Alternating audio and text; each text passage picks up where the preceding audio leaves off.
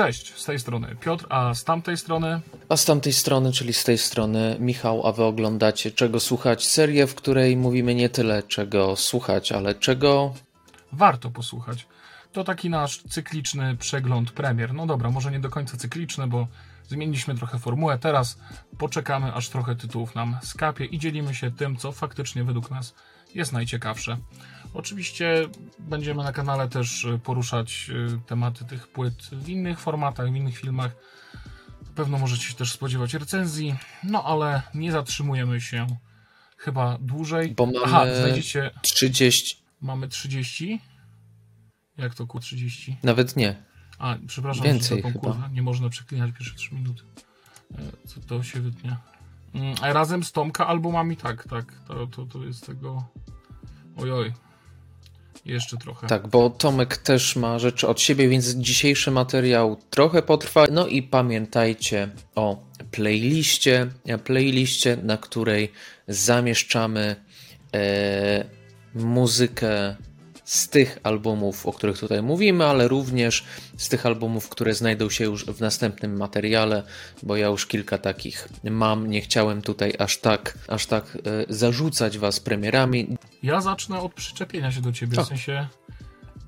Różne rzeczy mogę zrozumieć na, na tej liście, ale. Znaczy, może nie, nie przyczepienia się. Ale Tylko chciałem z, z dużą ciekawością poindagować. Czemu Paramore? Co cię naszło? Skąd, skąd to się tutaj wzięło? Czy to jest na pewno 2023 rok? Opowiadaj. Z- z To jest czemu 2023 płyta? rok. Słuchaj, ja, y, ja z Paramore nie mam żadnych wspomnień, żadnych doświadczeń. Oczywiście słyszałem w przeszłości jakieś utwory od Paramore, ale jakbym miał ci zanucić cokolwiek teraz z pamięci, nie zrobiłbym tego. I specjalnie przed ym, wysłuchaniem This Is Why, czyli nowego albumu Paramore, nie wracałem do ich starszych nagrań, bo usłyszałem, że zaskakująco dobre wydawnictwo, zaskakująco dobry album. Jest to zaskakująco dobre wydawnictwo, zaskakująco dobre dla mnie, dla osoby, która Paramore praktycznie nie zna, nie zna ich twórczości. Tutaj na This Is Why jest to po prostu album przyjemnie pop-rockowy, przyjemnie indie-rockowy, album przyjemny gdzieś tam w warstwie tekstowej, omawiający tematy takie dosyć na czasie, powiedziałbym, popandemiczne. Jest to album przede wszystkim em, bardzo przyjemny, e, wpadający w ucho, ale również taki, który można sobie po prostu puścić przyjemnie, e, posłuchać, trochę się pokiwać do rytmu. Nic na pewno na tym nie stracicie. Jeśli nie kojarzycie Paramore, zróbcie sobie to przyjemność, posłuchajcie kilku utworów e, z tego albumu, nie odświeżajcie sobie poprzednich. Ja sobie jeszcze posłucham na pewno tego albumu i potem wrócę do poprzednich, trochę sobie porównam e, ten z poprzednimi, bo może te piosenki ich e, z wcześniejszego etapu kariery oceniam za surowo. E, W zasadzie nie znam ich, ale za surowo do tego podchodzę, zakładając z góry, że w pewien sposób brzmią, w pewien sposób są. Wiesz, Ja Jakieś. myślę, że może się sporo osób znaleźć, dla których czy to Paramore, czy Avril Lavigne, Linkin Park i, i co, co tam jeszcze Evanescence było, wiesz, jakimś tam pierwszym w ogóle kontaktem z muzyką rockową, więc why not, no. Za, zaciekawiłeś Wiesz, mnie, strasznie mnie może być, ale powiem Ci, że nawet jeśli e, No, no, no. są tutaj osoby, które rzeczywiście, dla których rzeczywiście powiedzmy e, te zespoły, które wspomniałeś gdzieś tam był jakimś wejściem do muzyki, dla mnie był Linkin Park, do, do cięższej muzyki, no to wciąż nawet na tamtym etapie postrzegałem trochę, nawet jako fan Linkin Park, Park, tak. Paramore, jako już trochę coś lżejszego, jako coś Okej. takiego bardziej dla dziewczyn. Hayley trochę byś chciał zaprosić na spacer, ale trochę zgupia, bo jest dziewczyną, tak? No, trochę takie wiesz, bo to jest muzyka dla dziewczyn, nie będę tego słuchał. Mnie ten pop-punk ominął, e, już bardziej poszedłem w, w nu metal od razu. Kurde, sprawdzę, bo naprawdę nie spodziewałem się totalnie takiej pozycji tutaj. Y, Dobra, ja od siebie zaproponuję Ja też się nie spodziewałem, też się spodziewałem. coś mocniejszego, mm, przynajmniej jeśli chodzi o kaliber. No o co ty? No, Trudno, trudno, chociaż czekaj, czy To powiem ci, że mnie Paramore u nas? zaskoczyłeś. Nie. W sumie to Mam płytę jedną, która jest troszkę delikatniejsza, na pewno bardziej subtelna niż ten Paramore. Ale... chodzi ci o Cozy Moss? Nie, nie, to nie jest delikatniejsza, subtelniejsza. Jakbyś to postawił przed e, fanem, fanką Paramore, to no nie powiedziałaby, że to jest delikatniejsza muzyka. W porównaniu z tym, co masz poza tym okay, dzisiaj, okay. pewnie. Ale no okej, okay, okej, to, to, to może nie, nie będę uprzedzał. Ja chciałem zaproponować płytę We Cater to Cowards autorstwa zespołu Oozing Wound, który pochodzi z Chicago. Ja na nich trafiłem już jakiś czas temu. To jest chyba ich trzeci album, który tak pamiętam, że na bieżąco wychodzi, budzi u mnie jakąś tam ekscytację i na tej płycie sprzed, ojejku, żeby nie skłamać wam, cztery, nie, już aż nawet 7 lat, to był Whatever Forever. Oni łączyli trash z, no i z rockiem, z jakimiś takimi mniej oczywistymi, hałaśliwymi rzeczami. Dużo było w tym takiego garażowego grania, dużo etosu DIY dużo żartów o tym, jacy jesteśmy beznadziejni i jak bardzo źle nam w tym świecie. I akurat jeśli o to chodzi, o tą ostatnią część, to tu się dużo nie zmieniło. To jest płyta, która jak najbardziej bardzo mocno posługuje się tą ironią, tym samouwłaczającym sobie humorem. Natomiast jeśli chodzi o dźwięki, to cholera, ale to jest głośny album. To jest taki muzyczny odpowiednik tego, jak macie piekarnik, w którym coś piekliście przez dwie godziny, otwieracie go i zapomnicie się od niego odsunąć i wam bucha ta para w twarz po prostu. Zaczyna się faktycznie bardzo prymitywnie, bardzo głośno. To brzmienie jest bardzo intensywne, dużo to jest basu. Perkusja napieprza bardzo, bardzo, bardzo yy, nieustająco, ale w miarę trwania tej płyty to się zaczyna zmieniać.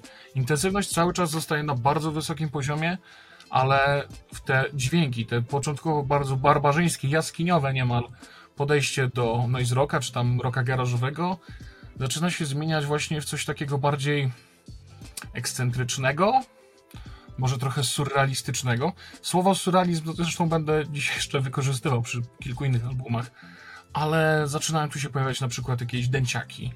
Nagle ta sekcja rytmiczna z tego łupania kością o jakąś skałę zaczyna robić jakiś fajny patent. No, płyta, którą polecam, jeśli macie ochotę się wyżyć, wykrzyczeć, ale też chcielibyście, żeby to podążyło gdzieś dalej, nie?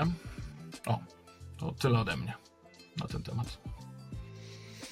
Piszą o sobie najszybszy. Nie, to Pitchfork o tak pisze. Najszybszy noise rockowy zespół. Podoba mi się w ogóle samo brzmienie słowa oozing oozing. Dwa O na początku, taki u, u. Można by było podstawić nad tym umlaut. Jedno z tych słów, które już wiesz, co oznaczają po samym brzmieniu trochę. Hmm. Fajne są takie słowa. I fajna, fajna jest oprawa graficzna też tego, tego albumu. Chociaż ich trzy ostatnie albumy były bardzo kolorowe. E, okej, okay, ale to nie o okładkach mieliśmy mówić.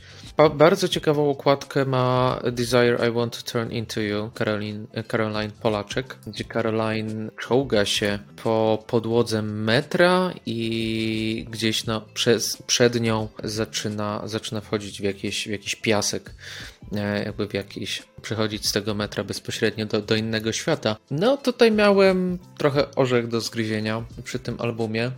Podoba mi się bardzo te, ta pierwsza jego część. Podobają mi się te utwory singlowe. Welcome to My Island, otwierający cały album. Bunny is a Rider. Sunset i bardzo zaskakująco, zaskakujące połączenie, ale jednocześnie bardzo fajny utwór Fly to You z Grimes i Dido. Słychać tutaj na tym albumie też trochę inspiracji Dido e, w sposobie, w jakim Caroline śpiewa. Jest to w zasadzie elektronika, jest to w zasadzie pop, taki dosyć jej, dosyć, dosyć Caroline. To, no ona, jest, ona jest takim głosem współczesnej muzyki, takim swoistym, takim osobnym. Slavic Voodoo to trzeci album wrocławskiego We Are Idols, płyta, która jest dla mnie sporym zaskoczeniem, bo po pierwsze w ogóle się jej nie spodziewałem, po drugie okazało się, że jest to płyta, której bardzo potrzebowałem. Słychać na niej korzenie grupy, które wyrastają z debiutu i łączą Slavic Voodoo z Powerless, ale zespół, co ciekawe, nie poszedł w kierunku dociążenia swojej muzyki, nie poszedł bardziej w te debitowe klimaty, które były bardzo wyraźne na Powerless, no właśnie, bo zespół poszedł w zupełnie innym kierunku. Wrocławianie obrali kurs bardziej na lata 90., na większą melodyjność kompozycji, chociaż są tu też utwory szybsze, może nie debitowe, czy prawie debitowe jak na Powerless, ale szybsze. To wymogło nieco innego podejścia do samych aranżacji piosenek, to znaczy większej dbałości o detale i zwrócenia uwagi właśnie na piosenkowość tych wszystkich kompozycji, które na Slavic Voodoo się znajdują. Ta melodyjność w pewnym momencie wręcz ociera się o taką hardcore punkową balladę, którą usłyszycie w postaci Blood on the Code. Promując ten utwór na swoim Facebooku, zespół chwalił się tym, że wreszcie może puścić swoim mamom muzykę, która im się spodoba, która ich nie odstraszy. I po pierwsze, fajne mamy, bo słuchają muzyki swoich dzieci, to zawsze spoko. A po drugie, super piosenka, nie taka za odstająca od reszty, ale delikatna i bardziej melodyjna na pewno niż całość. I teraz będzie trochę kontrowersyjnie, bo Slavic Voodoo jest dla mnie takim, oprócz tego melodyjnego, 90 podejścia, też pójściem w kierunku takiego hard rockowego metalu momentami, przez co ten album kojarzy mi się z Metallicą z okresu wiem, czarnego albumu, czy też Load. I żeby było jasne, ja mam bardzo duży sentyment do tych płyt, też wracam do nich z przyjemnością za każdym razem, więc to nie jest inwektywa, to jest komplement. Słyszę to przede wszystkim w pracy gitar, tych głównych partiach gitar i też w sekcji rytmicznej, a szczególnie w pracy sekcji rytmicznej przy zwolnieniach. Tak jest chociażby w Day Prowler czy Sublime Human Being, albo utworze tytułowym, który jakbym szedł dalej tym metalikowym skojarzeniem, to porównałbym to bardziej do klimatów z Dead Magnetic. Pojawiają się tutaj też odniesienia nieco bardziej grunge'owe, chociażby w Warm in a Fruit, Lonely Guys czy There Was a Light But It Went Out. I jeżeli chodzi już o jakieś takie porównania do zespołów, jak zacząłem, to pójdę tym tropem, to porównałbym y, te piosenki do klimatów Stone Temple Pilots albo TAD. Ale przede wszystkim masa tu napompowanego adrenaliną rock'n'rolla, którego mega fajnie się słucha i którego brakowało mi na polskim rynku, szczególnie tak dobrze zrealizowanego. Chciałem zaproponować album. Ojejku. Zespół się nazywa Tervet Kedet albo Kedet, natomiast zatytułowany jest ten album Kajki Kaj Kawastan. To jest chyba ręka rękę myje, z tego co pamiętam, ale nie wierzcie mi na słowo. Nie, wszyscy przeciwko wszystkim. Kajki Kaj Kawastan, czyli wszyscy przeciwko wszystkim. I tutaj muszę uderzyć się w pierś. Y, Tervet Kady to jest podobno zespół, który jest absolutną legendą fińskiej sceny hardcore punkowej. Jest to podobno pierwszy zespół sceny hardcore punkowej w Finlandii w ogóle. Jest to podobno ulubiony zespół wielu artystów y, z całego świata, z różnych gatunków. To jest mój pierwszy z nimi kontakt. Ja hardcore punka nie lubię, nie lubię też punka za bardzo. Tutaj absolutnie kupuje mnie po prostu właśnie ekspresja. E, z tego co czytałem, no ci goście grają już od ponad 30 lat, a cholera, ta płyta to jest taka petarda, w dodatku opakowana w takie brudne, ale też soczyste brzmienie, że po prostu y, trudno mi się z tą muzyką y, nie rozkręcić. O, może tak, bo niestety nie do końca rozumiem, znaczy niestety nie rozumiem tekstów, które tu są podnoszone.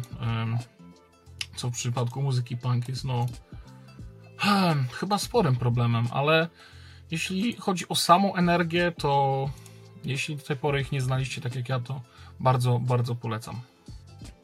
Gdzieś tam e, słyszę też e, w ich podejściu takiego Scandi Rocka mhm. charakterystycznego właśnie dla Skandynawii. Max Cavalera chociażby wspominał, że to jeden z jego, z jego ulubionych albumów.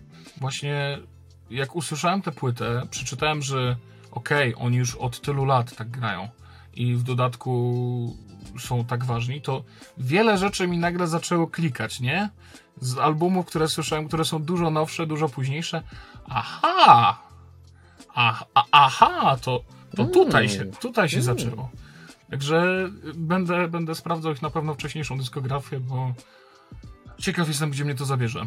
Ulubiony zespół twojego ulubionego zespołu. Tak, to, to jeden z nich właśnie. Bardzo szybko zleciały mi 3 lata od poprzedniej płyty Embiter, którą miałem przyjemność recenzować na Metalurgii, więc też spędziłem przy niej masę czasu. Przy Reinventing Gravity spędziłem również go już całkiem sporo, a co najważniejsze i co jest największym atutem tej płyty, cały czas jestem zdeterminowany, żeby kolejny i kolejny raz do niej wracać. Słowo zdeterminowany nie jest tutaj użyte przypadkowo, bo odnosi się jednocześnie do tego, co ta płyta ma najlepszego do zaoferowania, ale też do jej największego minusa. Kierując się zasadą najpierw złe wiadomości, potem dobre, zacznę od tej gorszej. Otóż nie mogę przyzwyczaić się do brzmienia tej płyty. Mega podobało mi się brzmienie na 1314. Tutaj no po prostu nie mogę się do niego przyzwyczaić. Szczególnie do tego, jak gęste zbasowane bębny ścierają się z szorstkimi, zimnymi gitarami i to powoduje, że ja bardzo często gubię się tutaj w zmianach dynamiki. Może im dłużej słucham tej płyty, tym gubię się mniej, ale jednak gubię się w tych zmianach dynamiki właśnie przez to. Ale jak wspomniałem, i to jest ta dobra wiadomość, ta płyta jest szalenie intrygująca i cały czas do niej wracam. Nie wiem ile razy ją już przesłuchałem.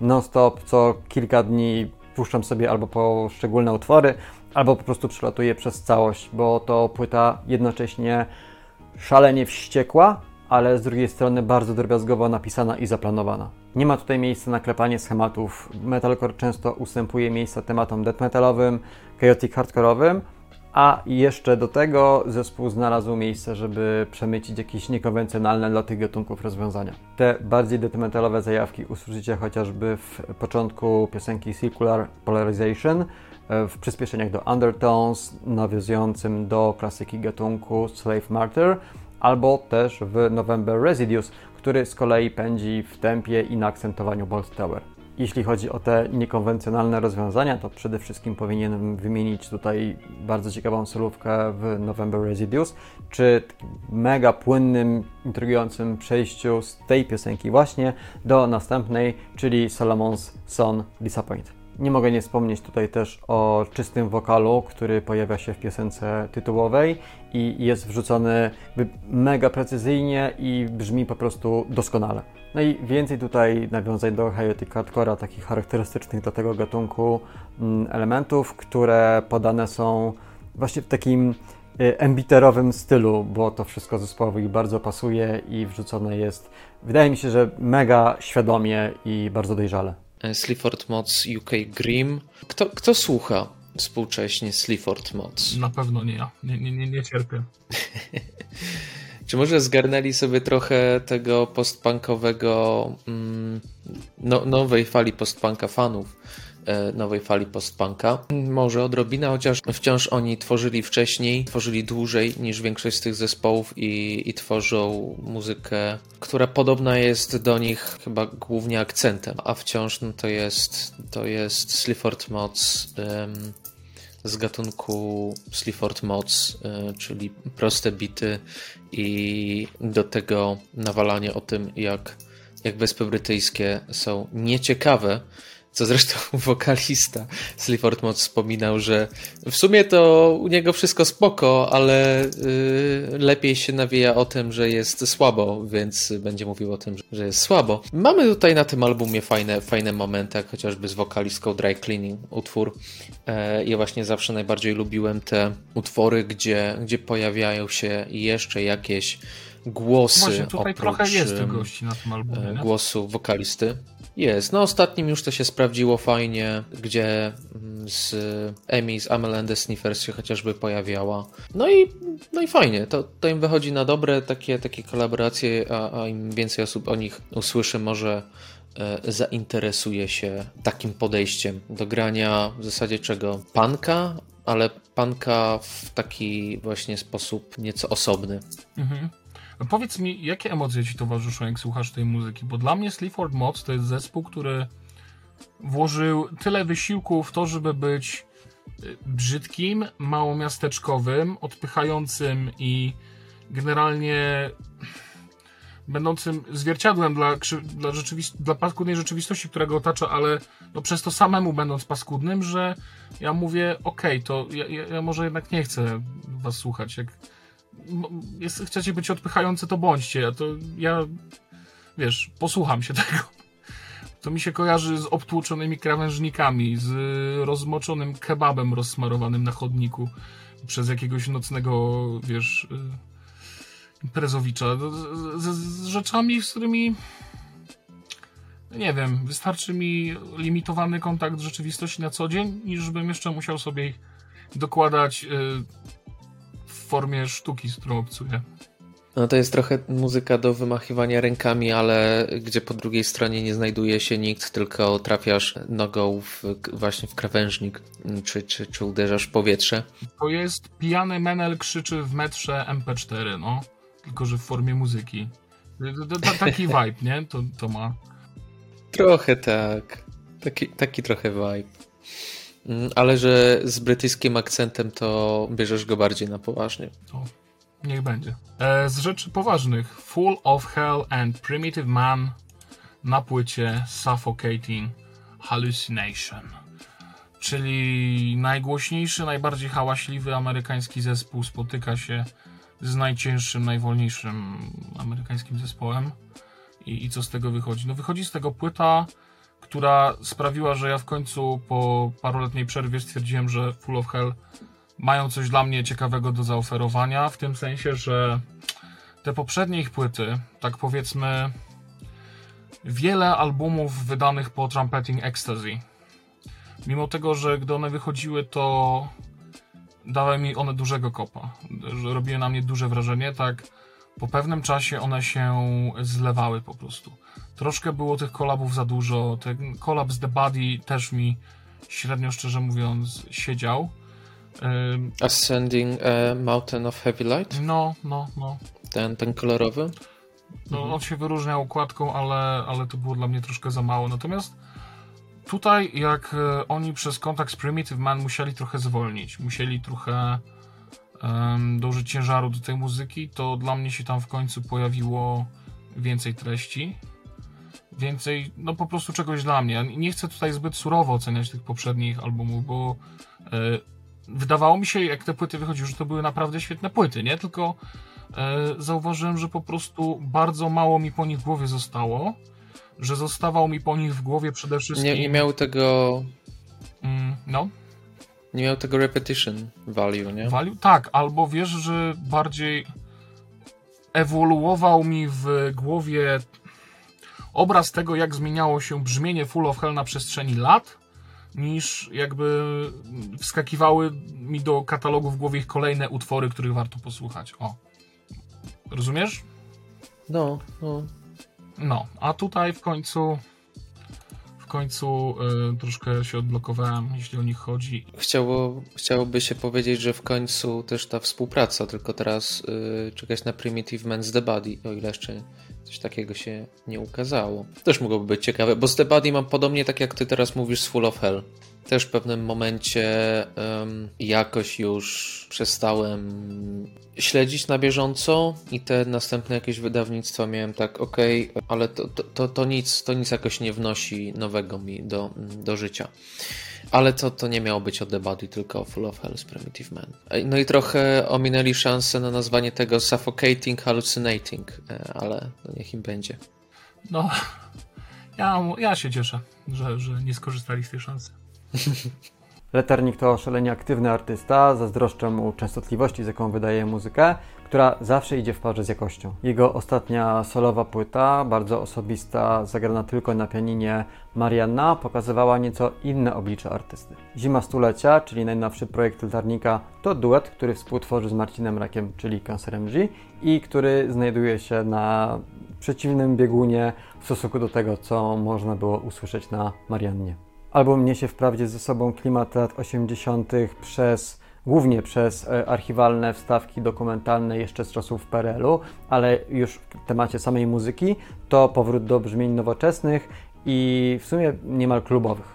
Przebija się tutaj na przykład house w zamrożeniu, czy też w lawinie, chociaż w lawinie to taka nota bardziej francuska, nieco acid house'owa. Minus 10 niesie niepokój, który kojarzy mi się nieco z Gaz Gaz, natomiast minus 30 to z kolei piosenka, która płynie w tonie wytwórni 4AD. A już w zamieci mamy do czynienia z techno, które podbite jest ciężkim kickiem i mega wkręcającymi partiami syntezatorów zarówno leadów, jak i tymi rytmicznymi plumkaniami w doskonałych grówach, które chłopaki pizgają w ostatniej takiej zimie, pojawiają się elementy trip-hopu czy muzycznych rejonów hip-hopu. Newschoolowe roztopy faktycznie ocieplają zimny nastrój, chłodny nastrój, który dominuje płytę i wprowadzają nieco więcej ciepła w brzmieniu. I właśnie brzmienie jest czymś, co wyróżnia Zimę Stulecia, debiut Zimy Stulecia od większości polskich wydawnictw, które można wrzucić do worka z muzyką klubową, bo nie ma tutaj tej paskudnej sterylności dźwięku, jest ciepło, organiczność, a to naprawdę umila odbiór tego materiału. Powiedziałem wcześniej o, o Sleaford Mods, o, o takim punkowym, ale innym podejściu. No to dalej myślę Wyspy Brytyjskie, dalej punkowe, ale Myślałem, inne podejście, Slow Tie i Ugly. O Slow Tie? Nie, nie, nie. Slow Tie nie. Jak zacząłeś mówić o tam coś niby punkowych rzeczach i... To, ale to zaraz. To potem. Dobra, dobra. Mm. Ugly, czyli trzeci e, album od y, Slow Tie'a. Mm, już byłem gotowy trochę zostawić go na radarze, ale nie za bardzo sprawdzać, co tam u niego po drugim albumie i po jego występie na żywo, który, który widziałem. Słyszałem głosy, że super, że fajny występ, fajny koncert, ale do mnie to mnie to nie przekonało.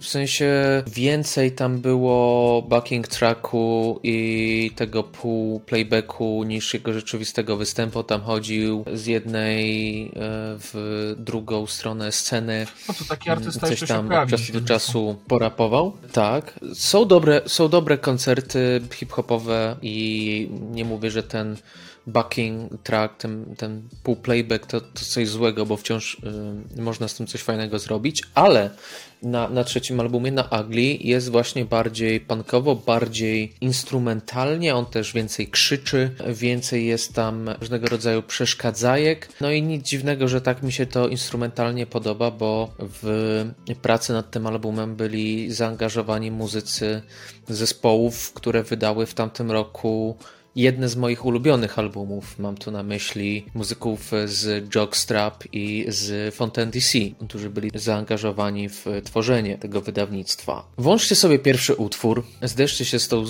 ścianą jam i z tą hiperwentylacją na początku, taką analizą własnych słabości, własnej drogi ku zniszczeniu, a jednocześnie próbie odnalezienia się w tym i znalezienia własnej drogi dla siebie w dążeniu do jakiegoś szczęścia. Chociażby sam tytuł to sugeruje. Z jednej strony ugly, a z drugiej strony rozwija się to You gotta love yourself więc y, pokazuje trochę takie dwie strony tego wydawnictwa, gdzie z jednej e, jest wciąż ta świadomość swoich wad, e, swoich jakichś schematów, e, udeptanych ścieżek chodzenia w stronę samozniszczenia i z drugiej taka chęć do samorealizacji i odnalezienia szczęścia pomimo tego, że życie do tej pory nie było najłatwiejsze. No i Slowtie się tutaj uzewnętrznia z jednej strony, a z drugiej jest bardzo też taki agresywny. I jeśli miałbym polecić jakiś e, album e, właśnie fanom punka, fanom noiza, fanom rock'n'rolla, no to już to robiłem w, robiliśmy w jednej dyskusji, ale no tutaj z nowszych rzeczy to zdecydowanie byłoby właśnie to. Wiesz, ja się bardzo cieszę przede wszystkim, nawet jeśli nie do końca mi wszystko leży na tej płycie, że ona jest jakaś. Bo po tym jego poprzednim albumie, kurde, on był taki troszkę rozłamany, nie? Tutaj, mimo że jest ten rozkrok albo dysonans, o którym ty mówisz, to on tutaj faktycznie pokazuje charakter w obu tych aspektach i, i to jest bardzo fajne. Natomiast zgadzam się w 100% jeśli chodzi o poziom występów wielu młodszych raperów, to jest po prostu dla mnie żenujące. Jeśli, okej, okay, jeśli ten, wiesz, pół playback, taśma służy temu, żeby on faktycznie mógł wejść w lepszą interakcję z publiką, podpompować tę energię, spoko. Ale w momencie, gdy gość tak niezbyt orientuje się, biega trochę po scenie, podkasił własne nogi, jeszcze słychać, że nie trafia w beat, gdy ten on z taśmy trafia, no jest to po prostu przykry widok. Ale ale możliwe, że będę mieć okazję do, do zobaczenia Slowtaya jeszcze raz w tym roku i tutaj się na to cieszę, bo mam mu towarzyszyć zespół. Więc tutaj może jako, jako frontman tego zespołu sprawdzi się lepiej i, i rzeczywiście ci muzycy zanim trochę go zmobilizują do dawania z siebie trochę więcej pod względem wokalnym, performance'u, a nie tylko bycia fajnym wobec ludzi, bo to mu się udaje, nie? To myślę, że teraz warto jeszcze popracować nad tym, żeby dawać siebie może trochę więcej jako muzyk. Ale może oceniam go za ostro, jeśli widzieliście Slowtaja na żywo i się mylę, to dajcie znać. Kilka lat współtworzenia metalurgii, a jeszcze więcej lat znajomości z Michałem spowodowało, że stworzyłem swój własny gatunek, który nazywam smallcorem. Czym jest smallcore? Co wsadzam do szufladki smallcore? Otóż jest to postpunk, e, punk z wysp, mm, indie, 90sowa alternatywa, 80sowe syntezatory, trochę new wave'u. Jeżeli, a na pewno kojarzycie tę, tę muzykę, którą poleca Michał, która nie jest metalem, nie jest hardcorem i nie jest rapem, no to macie już pojęcie o co mi chodzi. Czemu o tym wspominam? Otóż dlatego, że płyta, którą chciałem Wam polecić również w tym miesiącu, kolejna płyta, to płyta zespołu Homefront zatytułowana Games of Power i ona idealnie wpisuje się właśnie w tę smolkorową stylistykę. Jest tu punkowy wokal i przekaz, zawadiacki, bardzo fajnie intonowany i świetnie wchodzący w tonację muzyki. To jak brzmią tutaj gitary, syntezatory czy aparat perkusyjny, mocno zbliżają całość do postpunkowej, 80sowej stylistyki. No i nie brak tutaj też takiego creepy, niby gotyckiego klimatu, który mocno kojarzy się z pierwszymi albumami The Cure. A co uważniejszy słuchacz może tutaj też znaleźć właśnie w partiach gitar takie indie klimaty. To wszystko nie przeszkadza Games of Power, żeby być płytą mocno taneczną. Jeżeli więc pierwsza albo druga piosenka nie ruszą Was do tańca, to na pewno spostrzegniecie, że wiem, zaczyna Wam się gibać nóżka. Natomiast jeżeli lubicie takie klimaty i nie zaczniecie tańczyć przy Nations, to sorry, ale jesteście jacyś dziwni. Co ciekawe, płyta wypełniona jest też pomysłowymi wstawkami, niuansami, które podkreślają kompozytorski kunszt duetu. Doskonałe są drumfile aparatu perkusyjnego i taki długi, powolny scratch wprowadzający do piosenki Realize. Często pojawiają się partie syntezatorów, które usłyszycie raz albo dwa razy na piosenkę, ale które są bardzo ważne, bo budują bardzo ciekawe wstawki melodyjne i harmoniczne. A sami muzycy unikają tutaj gatunkowej rutyny, zapewniając tym samym płycie zaskakującą różnorodność. W końcówce ta energia nieco przygasa, bo więcej tutaj balladowych piosenek, które skumulowane są gdzieś koło siebie i ta druga część nie porywa już tak bardzo jak pierwsza, może wyłączywszy Born Killer, który znajduje się właśnie w drugiej części płyty, a jest jednym z najlepszych utworów na niej. Natomiast tak czy siak warto przejść przez nią całą, chociażby do, jako soundtrack do wieczornego urbexu po mieście. Bardzo polecam. To ja może kilka słów opowiem o płycie, którą już wspomniałeś, a mianowicie o albumie Wołanie autorstwa duetu Cosymos. I tutaj pozwolę sobie przeczytać kawałek notki prasowej, jaka towarzyszy tej płycie. Debiutancka płyta Cosymos pod tytułem Wołanie to ponad 40-minutowy zapis sześcioletniej podróży emocjonalnej i dźwięków łączący ducha berlińskiej ulicy i niezmierzonej leśnej otchłani. Na płytę składa się 9 kompozycji, w tym 3 instrumentalne. Słowa w pięciu utworach są zapisem improwizacji tekstowej. Tylko jeden z utworów, a mianowicie Płonę, został w całości napisany poza wokalną improwizacją. I jakby ten króciutki opis bardzo chyba dobrze podsumowuje to, to, co mi na tej płycie gra i to, co na, mi na niej nie gra. Bo ona w bardzo organiczny, w bardzo fajny sposób faktycznie łączy pewną miejskość pewne myślenie w takiej dużej skali o, o dźwiękach z jakimiś bardzo introspektywnymi momentami. Dużo tu jest refleksji, dużo tu jest takiego zaglądania po prostu w siebie. Dużo tu jest też ciekawych dźwięków, natomiast tak jak za pierwszym razem, drugim, trzecim, ten improwizowany charakter dla mnie jest dużą siłą tego materiału, tak z kolejnymi cholera to brzmienie jest na tyle ciekawe po prostu, które udaje mi się to wypracować, że ja chciałbym je usłyszeć w konkretnych kompozycjach. Świetny głos Klaudii, świetne e, podkłady Macieja Skoczyńskiego. No, chciałbym po prostu, żeby w tej muzyce było trochę więcej konkretu, bo tak ona się troszkę sprawdza jako takie plamy i dźwięków, i emocji, a wydaje mi się, że drzemie w tym dużo, dużo większy potencjał. Nie znaczy to absolutnie, że to jest płyta zła. Być może wy ją odczytacie zupełnie inaczej niż ja ją odczytałem. Dla samej warstwy brzmieniowej, czy jakby tej mm, impresji, którą na was najpierw ta płyta wywrze, moim zdaniem jak najbardziej warto się z nią zapoznać. Ja miałem, ja miałem całkiem e, zaskoczenie, tak sobie e, odsłuchując kilka kawałków z tego albumu, przede wszystkim w porównaniu z resztą rzeczy, które, e, które tutaj wrzuciłeś. Ale to było przyjemne zaskoczenie, słuchało się tego ciekawie. No, podróż emocjonalna i dźwięki. Nazwa zespołu Atsuko Chiba chyba nieprzypadkowo nawiązuje do imienia i nazwiska głównej bohaterki japońskiego świetnego anime Paprika, którego fabuła płynie między jawą a snem, bo taka jest też muzyka grupy. Pierwsza płyta grupy, Yin albo Jin, nie porywa specjalnie, ale na pewno była zwiastunem czegoś ciekawego na alt-rockowej i progowej scenie. Bardzo ciekawy jest natomiast rozwój zespołu od orientalizującego indie bluesa o poprawnym, ale nie zachwycającym brzmieniu na Trace, aż do sięgnięcia w rejony, głębiej w rejony krautrocka, nowoczesnego, bo bardzo fajnie gruwującego, romansującego z matrockiem na płycie najnowszej, którą chciałem Wam w tym miesiącu polecić, zatytułowanej Water It Feels Like It's Growing. Ten bluesowy vibe cały czas jest jednak wyczuwalny, chociażby w zamykającym całość utworze tytułowym i to przypomina mi klimaty Old Witches, a czasem zespół sięga po takie mm, nastroje mroczniejsze, bardziej tajemnicze, klimacie The Black Angels, chociażby w zamykającej całość piosence Sambath. Jeśli natomiast chodzi o matrok, to słychać go najbardziej w brzmieniu i pracy gitar, ale też w świetnych timach, które nadają muzyce od Chiba takiego fajnego twistu w So Much For, chociażby mamy no, świetnie brzmiący time 6 ósmych, dodatkowo jeszcze uzupełniony gliczającym delayem i naprawdę bardzo fajnym groovem basu. Siłą tej muzyki jest też miks, który powoduje, że ona cały czas oddycha, jest bardzo żywa, a do tego zabawy ścieżkami poszczególnych instrumentów powodują, że non-stop mamy do czynienia tutaj z taką mgiełką dźwięku w tle, co jeszcze bardziej umila odsłuch Water It Feels Like It's Growing. No i bardzo fajnie, że każdy instrument ma tutaj czas, kiedy prowadzi daną kompozycję.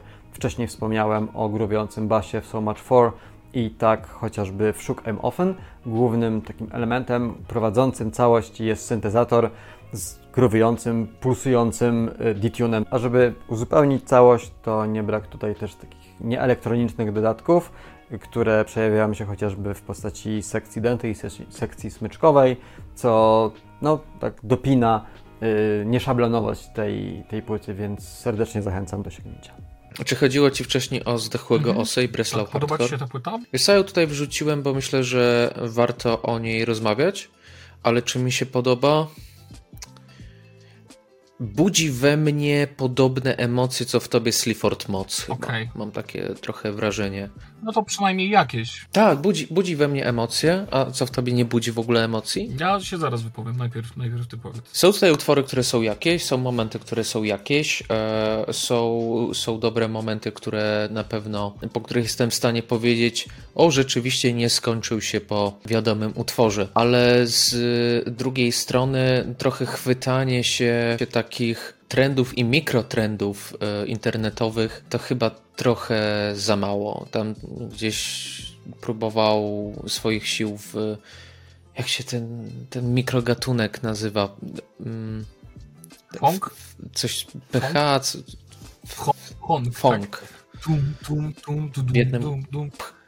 Niskie syntezatory, tak.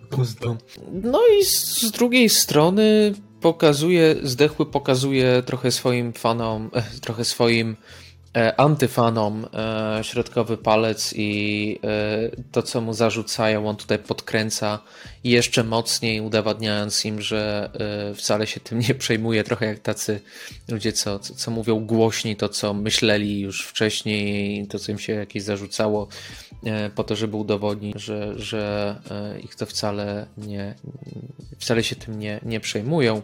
Jest to jakieś, no. Jest, jest to jakieś doświadczenie, jest to doświadczenie obserwowania pewnego rodzaju środowiska, które jest mi no, trochę obce, ale no jest to ciekawe do zaobserwowania i może nie będę tam wchodził i, i się rozglądał, ale rzucę kilka razy mm, spojrzeniem i odejdę po cichu, licząc na to, że nie dostanę w pierdolu. Nie, no myślę, że to są mimo wszystko chłopaki o złotych sercach, chociaż trochę łobuzy, ale muzycznie mi ta płyta, wiesz, w ogóle nie robi. Jakby to, czym mówisz, te mikrotrendy to raz, dwa, że hmm, coś tu się popsuło po drodze. Ja mam wrażenie, że wiele kawałków tutaj na Breslau Hardcore to są po prostu słabsze wersje e, tego, co mogliśmy usłyszeć na Sprzedałem Dupę albo na Nielegalach. I to tak momentami bardzo, bardzo, nie? Że beat jest bardzo podobny, zamysł na kawałek jest bardzo podobny, ale delivery gdzieś tam się zgubiło i troszkę mamy padakę. Jest jakiś tam też kawałek dla smutnych dziewczyn, powiedzmy, przez ciebie. No, kurwa, mówię ci, że to jest ja już wiem, że będę to widział na TikToku i za pierwszym, drugim razem, jeśli to będzie trwało 15 sekund, to to przeżyję. Ten kawałek wysłuchać od początku do końca jest naprawdę trudno. I kilka takich jeszcze tu jest. W dodatku to, o czym mówiłeś, że on podkręca to, co mu się zarzucało. Nie wiem, czy masz, miałeś na myśli dokładnie to, co ja teraz powiem, ale czy chodzi o to, że on jest słabym raperem, w sensie, że słabo rapuje, Albo y, to, że rapuje, że nie ma za bardzo co powiedzieć, więc yy, sięga po jakieś takie trochę mhm. truizmy, taki no i szafuje kurwami, okay, co okay, w sumie okay. zawiera trochę w pierwszym utworze to, mocno. Z to się nie zgadzam akurat, w sensie ja, ja bym mu tego nigdy nie zarzucał, tylko yy, dla mnie ta opowieść o patologicznym Wrocławiu, w którym są ciekawi ludzie, którzy mają ciekawe, ale jednak problemy z pierwszej płyty i jego poprzednich utworów, tutaj została tak bardzo sflanderyzowana, przyciągnięta do jedenastki, gdzie to się staje taką troszkę estetyką, za którą niewiele idzie tak naprawdę, wiesz? Za którą tam właśnie Czyli co temat y, został wyczerpany już przy poprzednich i co powinien Twoim zdaniem się skupić na nim? Absolutnie nie został wyczerpany, tylko został przedstawiony w nieciekawy sposób, w jakiś taki bardzo infantylny i powierzchowny, nie? Jestem pewien, że tam jest mnóstwo jeszcze ciekawych historii, mnóstwo e, ciekawych postaci, ale tutaj mi to nie zagrało. Plus e, to, co wcześniej mówiłem o jego skillach rapowych. No wcześniej mi tak bardzo to nie przeszkadzało, bo nie było aż tak dużo rapu w jego kawałkach, to raz. Dwa, samo delivery. Mm, podobała mi się pewna niechlujność, pewna arogancja, taka y, wyjebka powiedzmy, jeśli chodzi o nawikę, ale tutaj to już mam wrażenie, że to nie jest wyjebka, nie jest takie i tak wiem, że jestem kozakiem, więc mogę nawinić tak jak chcę, tylko jakby on się trochę nudził własnymi słowami. Tak ja to przynajmniej odbieram. Yy no. I, i, I, tyle w sumie w zasadzie. Jestem bardzo ciekaw, jak wy, drodzy widzowie, słuchacze, odbieracie tę płytę, bo nie powiem, ja miałem oczekiwania, duże oczekiwania, więc napiszcie tam w komentarzu, jeśli była to dla was ważna płyta, to podzielcie się proszę. No dla mnie Zdechły nie był nigdy jakimś ważnym um, artystą w moim życiu, ale był zawsze ciekawym zjawiskiem. No i, no i to zjawisko dalej istnieje, ale już mnie aż tak nie, nie, nie oddziałuje na mnie aż tak. E, ale w każdym razie pomyślałem, że wa warto będzie o tym albumie wspomnieć, porozmawiać. Znaczy wiesz, no to jest wykonawca, który cały czas łączy jakieś brudne, fajne, podziemne brzmienia i jedną nogą też jest już w mainstreamie, może nawet jedną i pół, więc e, na pewno warto go obserwować, na pewno warto patrzeć, co z tego będzie. Dobrze, to ode mnie No Spill Blood z płytą Eye of Night. To jest zespół, którym wcześniej nie słyszałem, na którym natknąłem się zupełnie przypadkowo, przeglądając nowości wydawnicze od Swart Records. Przeczytałem Kraut i jakieś ekstremalne brzmienia. Okej, okay, wiedźmy w to. Wiemy przecież, że Finowie umieją naprawdę, naprawdę psychodelicznie zakręcić. Odpaliłem i o co chodzi? Tu są blasty. To są jakieś prymitywne, brzęczące gitary. Co, co, co tu się w ogóle dzieje?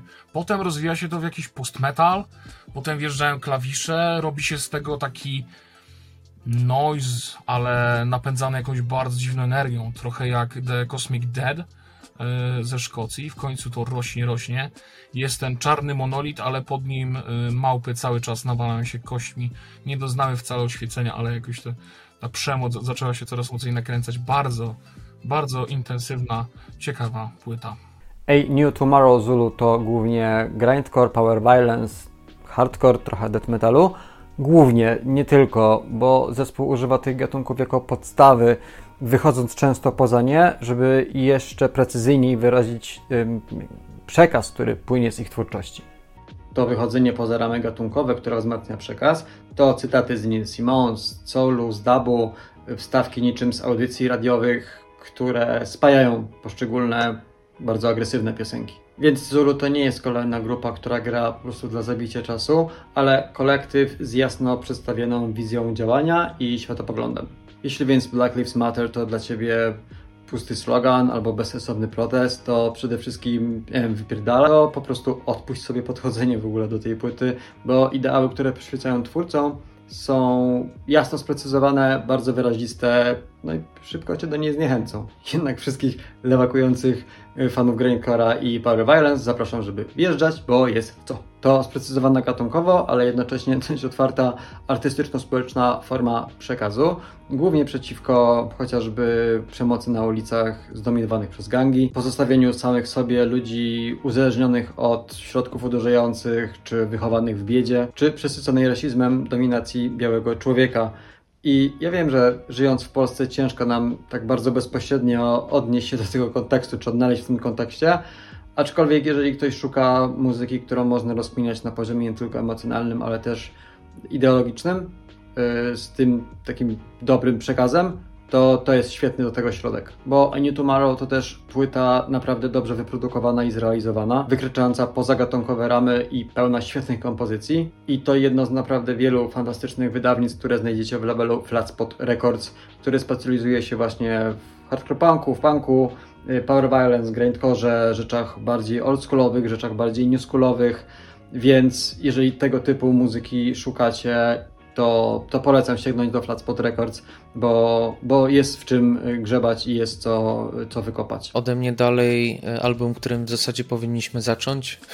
Let's Start Here od e, Liliady. Bardzo mnie to zaskoczyło, e, bo nie śledzę jego kariery. Gdzieś tam o nim słyszałem wcześniej, najbardziej wiadomo przy okazji Polski, e, w sensie utworu Poland, gdzie okazało się, że ten album w ogóle Poland nie przypomina. Co zresztą Liliady wspominał w wywiadzie, że nienawidzi teraz tego utworu, bo nagrał go na wyjebce i dla żartu, a potem okazało się, że jest to jego największy przebój i zaraz potem mm, wyszedł album, który tego utworu nie przypomina, a momentami bardziej przypomina słuchanie przez e, interpretację rapera na temat Pink Tak, Floyd. i to jest absolutnie fantastyczne.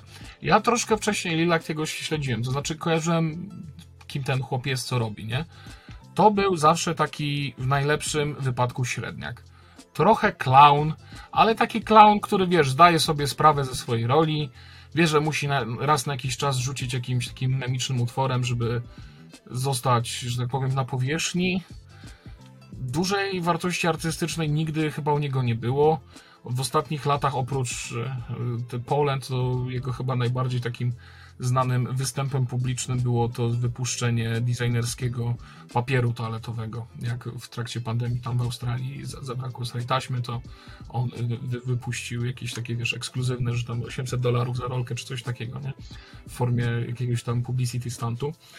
E, I tutaj nagle on wjeżdża z czymś takim i co się dzieje? Ta płyta jest po prostu fantastyczna. To jest chyba mój ulubiony album so far z tego roku, jaki słyszałem. Aż tak. Let's Start Here sobie go tak trochę porcjuję, bo nie jestem w stanie go wysłuchać w całości, nie dlatego, że coś jest z nim nie tak, ale słucham go w takich momentach, e, a może powinienem sobie zrobić z nim taką sesję wieczorną. Trochę na spokojnie, bo dużo jest tu do odpakowania, dużo bardzo ciekawych podkładów i sporo momentów wolniejszych, bardziej takich introwertycznych, zaskakująco tu dużymi ilościami gitar, które właśnie jak wspominałem wcześniej, przypominają mi właśnie bardziej przystępne momenty Pink Floyd. Tak. I cholera, ja nie pamiętam, kiedy tak bardzo mi się podobał autotune, wiesz? Na jakiejkolwiek płycie. To jak to jest tutaj wykorzystane. Jest tu naprawdę fajnie wykorzystane. I jeśli y, wykorzystywać autotune, to tak jak Liliati i Cher. No. Do you believe in love after Dobra. love? Hell the Void, płyta od y, płyta pod tytułem Memento Mori. No, tytuł nie jest zbyt oryginalny. Muzyka, kurwa, jeszcze mniej. I nazwa zespołu Hail no, the jest, Void. Jest słabo, Memento jest Mori. Słabo. To są Amerykanie. Co, co dalej? Następny album to Carpe Diem? To są Amerykanie. Grają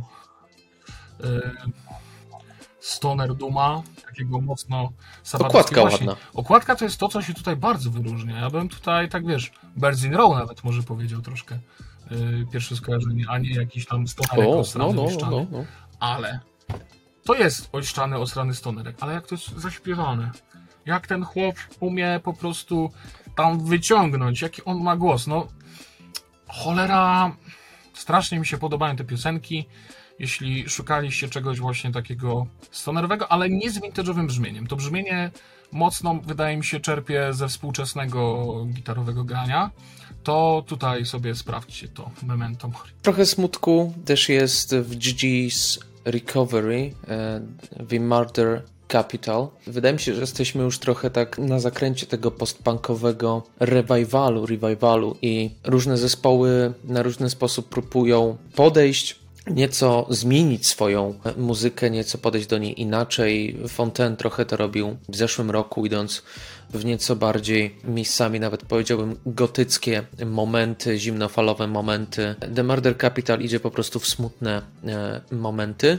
Takich nie brakowało na ich wcześniejszych albumach, ale tutaj ten smutek zdecydowanie dominuje, ale w taki sposób nie przytłaczający, a bardziej, bardziej taki melancholijno-nostalgiczny. Warto sobie w jakiś spokojniejszy, wolniejszy, bardziej melancholijny dzień, gdzie e, deszcz strugami po oknach spływa, e, puścić sobie ten album i trochę się zanurzyć w taki bezpieczny, ciepły, melancholijny, nostalgiczny smutek. Rapper Odyssey zdążył przyzwyczaić już do swojego bardzo wyraźnego stylu, osadzonego w solowym groove'ie, zasilanego żywymi instrumentami, tak samo intensywnie, jak też korzystającego z mega ciekawego samplingu, który kojarzy mi się mocno ze sceną Detroit. Na uwagę zwraca też jego styl rapowania, klejenie techniki z czytelnym przekazem przyjaznym w odbiorze, ale jednocześnie podejmowanie dosyć trudnych tematów.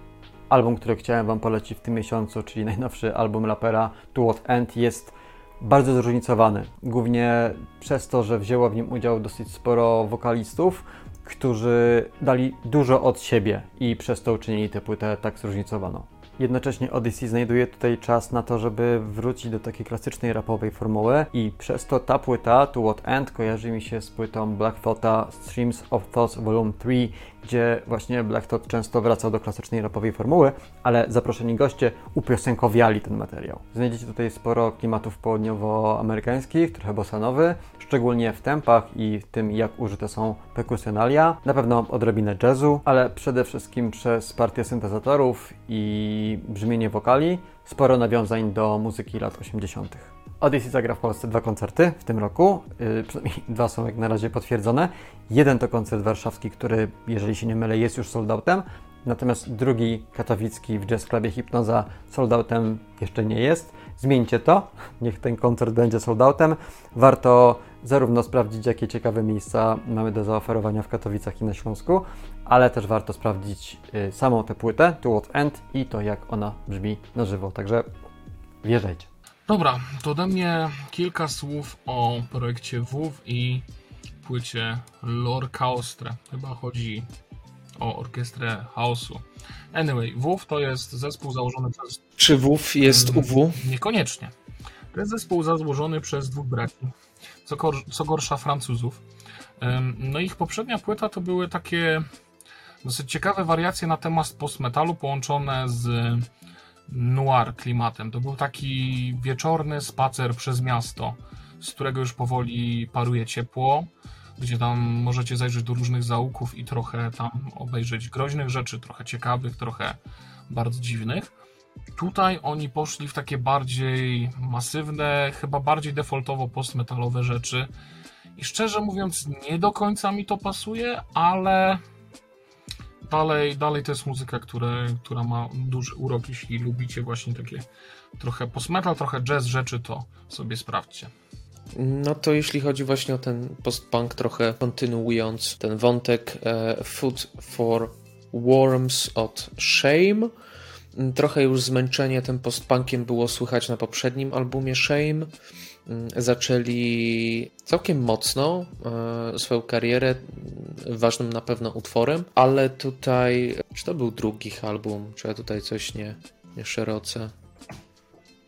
No tak, tak, 2021 Drunk Tank Pink. No to był spoko album, ale, ale bez, bez szału.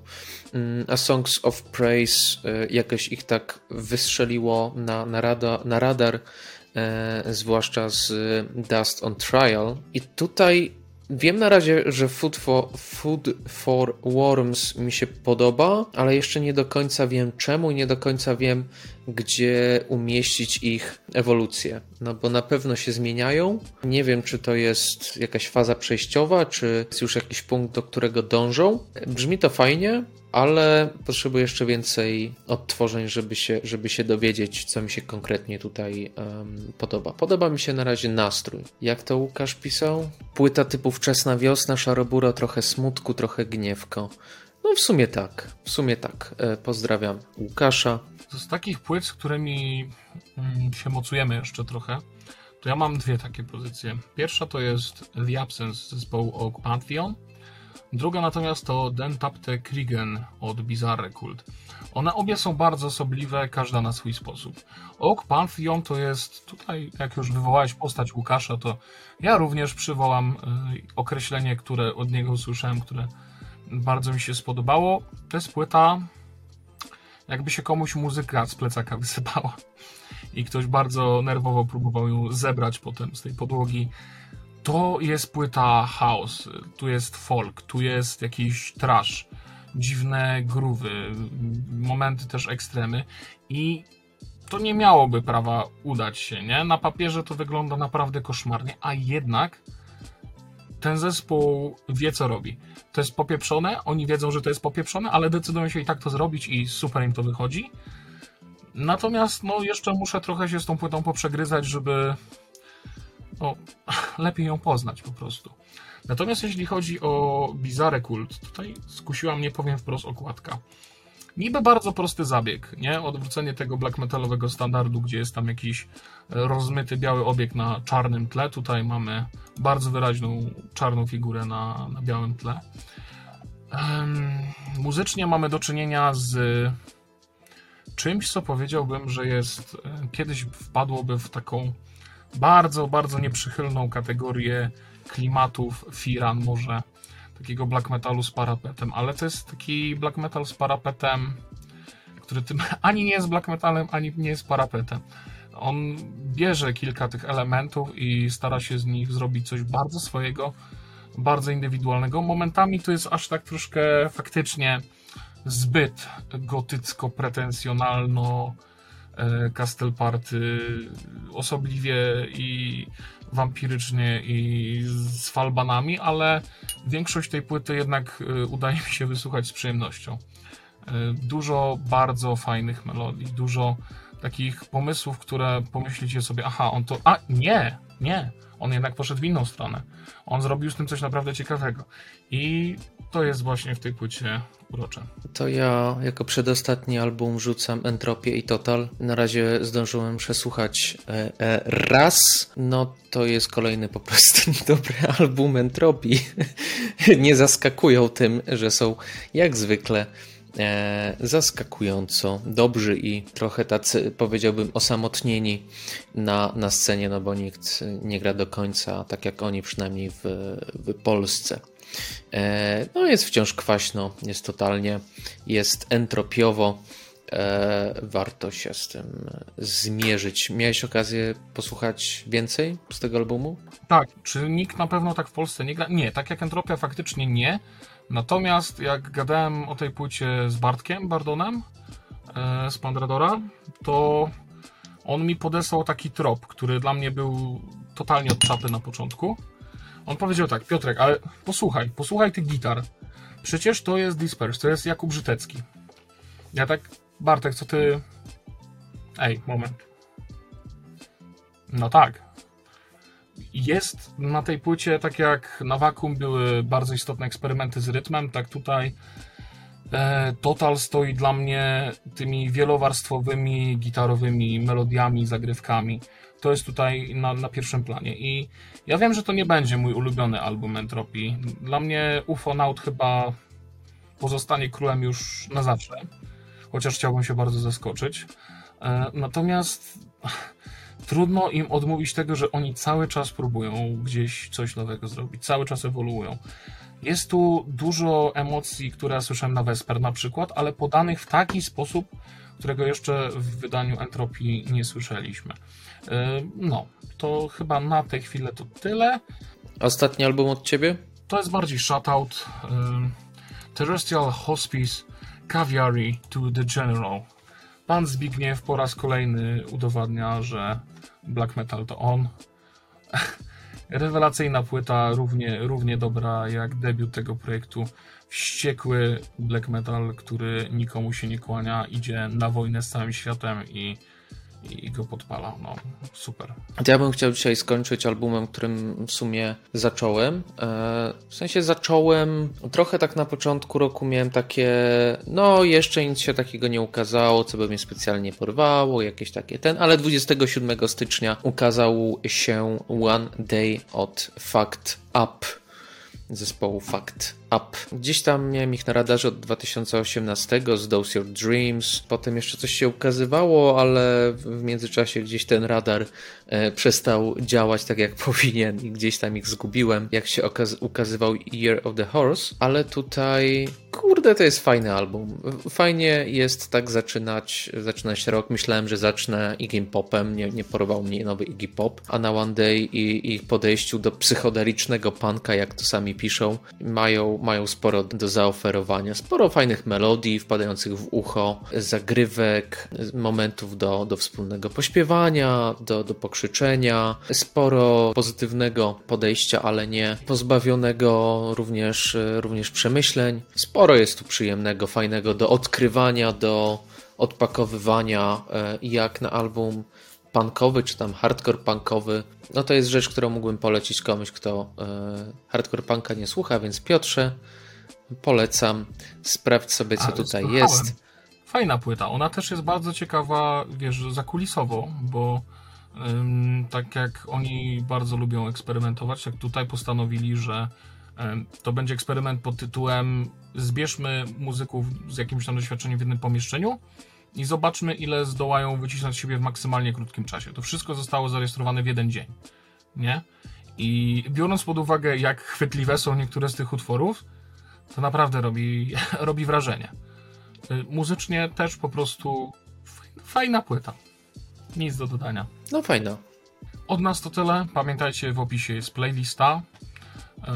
Jeśli podoba Wam się to, co robicie, możecie nas wesprzeć na przykład na. To, co robimy tym A jeśli podoba Wam się to, co robicie, to tak. bardzo dobrze tak trzymać. To dobrze.